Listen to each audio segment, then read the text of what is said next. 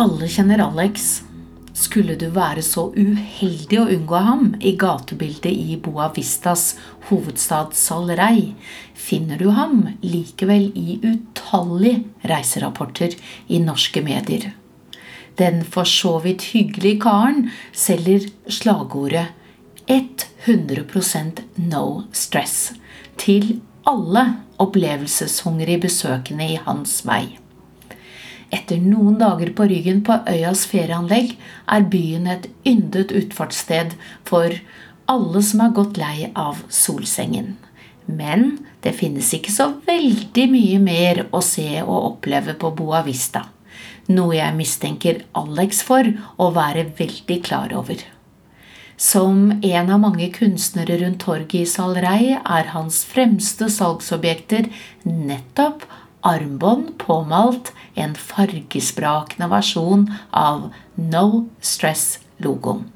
I tillegg til enkle, fargemettede bilder med motiver fra øya.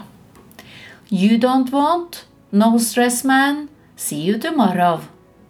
Av erfaring vet Alex at jeg er en av dem som en eller annen dag likevel kommer innom for å kjøpe noe og si at det ikke er noe annet å oppleve på Boa Vista enn tuskhandelen inne i Stalrei er en smule overdrevet.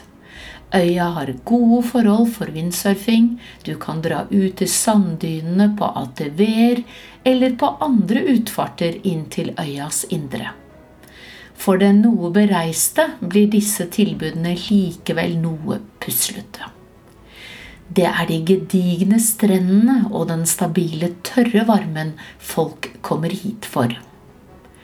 Av og til er sol og strand rett og slett nok, som Leif fra Manglerud noe unnskyldende forklarer oss under en utflukt til øyas indre.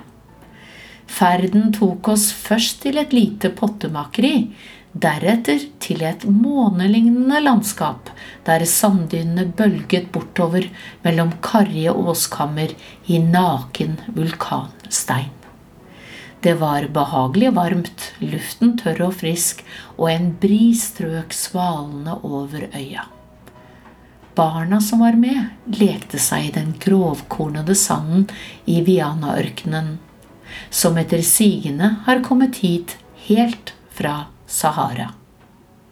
I en av landsbyene vi stoppet opp i, den var ikke stort større enn et veikryss, kunne vi ta en kaffe og kjøpe oss noe kaldt å drikke.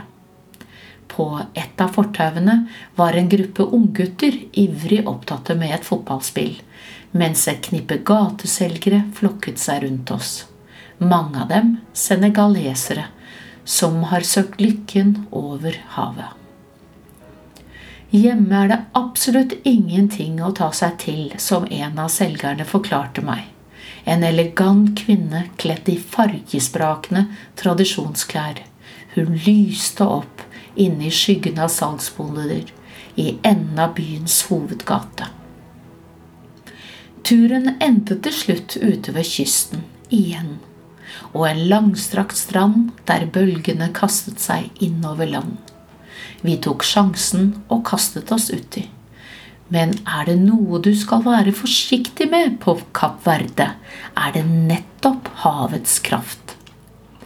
Røde flagg på de mest populære strendene er som regel normen.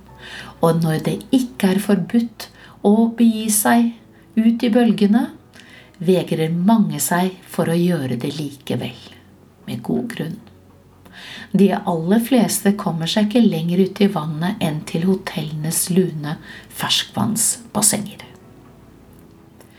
Boa Vistas og Kopp Verdeøyenes historie har få fysiske manifestasjoner. Et rustent skip er kanskje en liten utflukt verdt, men knapt noe historisk. I Salrei er de fleste bygningene av ny dato. Her finner du ingen aldrende katedraler eller parlamentsbygninger. Da må du til Ihas, Davento-øyene, sør for Boavista og hovedstaden Praia. På Boavista er innbyggerne den store attraksjonen. Det kan være spennende nok, ikke minst på tanke på de prøvelser de historisk sett har vært utsatt for. Inntil 1400-tallet, da den portugisiske prinsen Henrik Sjøfareren sendte den venetianske kapteinen Alvise Cadamosto av gårde for å utforske vestkysten av Afrika, bodde det ikke et menneske her. På sin andre ferd, i 1456, må Kadamosto ha kommet litt ut av kurs, for han havnet i stedet på Kapp Verde. De neste årene ble øyene kolonisert med byen Ribeira Grande, nå Cidade Vela, 15 km fra dagens hovedstad Praia, på øya Santiago, som den første permanente europeiske bosetningen i tropene. Av sin strategiske beliggenhet ble Kapp Verde og ikke minst Ribeira Grande raskt et viktig navn og et knutepunkt for slavehandelen mellom Afrika, Europa og den nye verden på den andre siden av Atlanterhavet. Den portugisiske koloniseringen fikk seg etter hvert også noen nesetyvere, da den lukrative slavehandelen tiltrakk seg oppmerksomhet fra pirater. En av de mest iherdige var sir Francis Drake. Engelskmannen plyndret Ribeira Grande første gang i 1582 og kom tilbake igjen med samme formål tre år senere.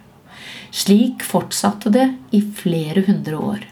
Men den portugisiske tronen holdt fast på sin ytterste utsatte koloni selv etter at også Frankrike på 1700-tallet begynte å melde sin interesse, med flere angrep på øygruppen, men de holdt stand. Med store lidelser, riktignok, for lokalbefolkningen som resultat.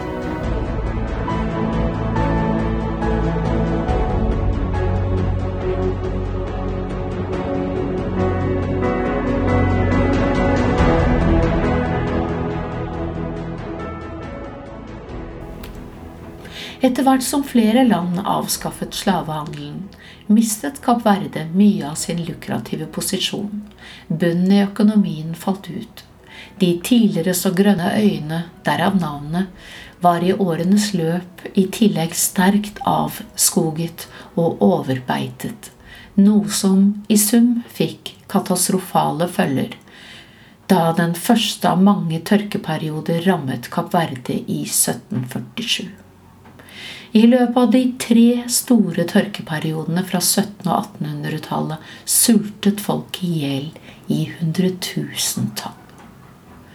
Hjelpen fra de portugisiske styresmaktene på fastlandet var minimal, noe som i tillegg resulterte i en sterk fraflytting, også til Norge. Det hele toppet seg under andre verdenskrig, da en ny tørkeperiode kombinert med vulkanutbrudd og sterk tilbakegang i skipstrafikken førte til at økonomien kollapset fullstendig, og mange tusen igjen døde av sult.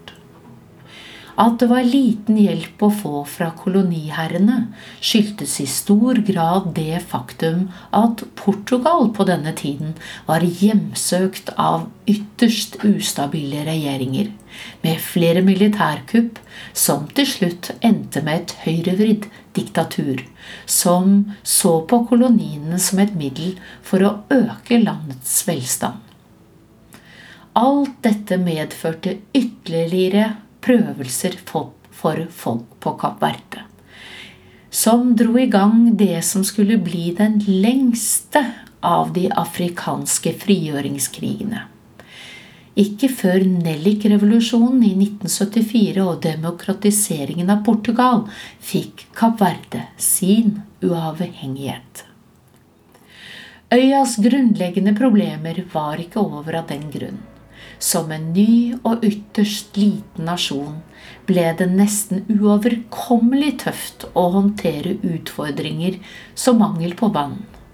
Det finnes nemlig ingen ferskvannskilder på øya, og et svært begrenset landbruk. Den tidligere så ødeleggende solen er nå det store håpet. Boavista og Salrei virker fortsatt preget av fortiden. Innbyggerne bor trangt, boligprisene er skyhøye. Og det gjør at flere familier finner sammen under ett tak.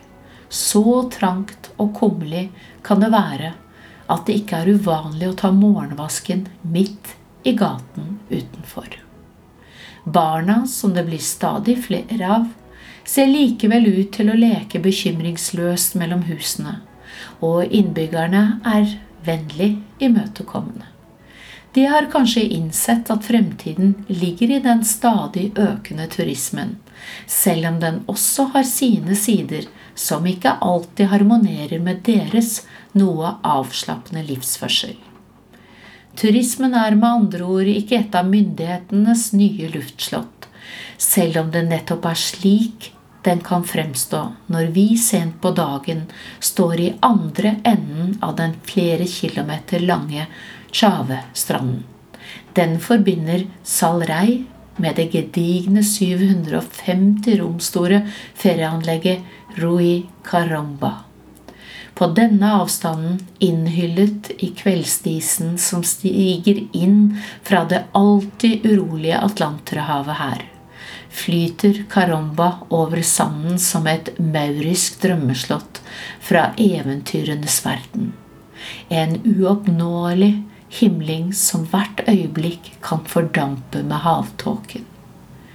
Det er vakkert inntagende der det ligger og lyser på avstand. Det samme er den fenomenale stranden som vi spaserer barfot langsetter hver dag og aldri går lei. Her og nå, med varm vind i ansiktet og ditto sand mellom tærne, er dette alt vi ønsker oss. Paradiset har endelig inntatt Boa Vista og de grønne øyene i Atlanterhavet.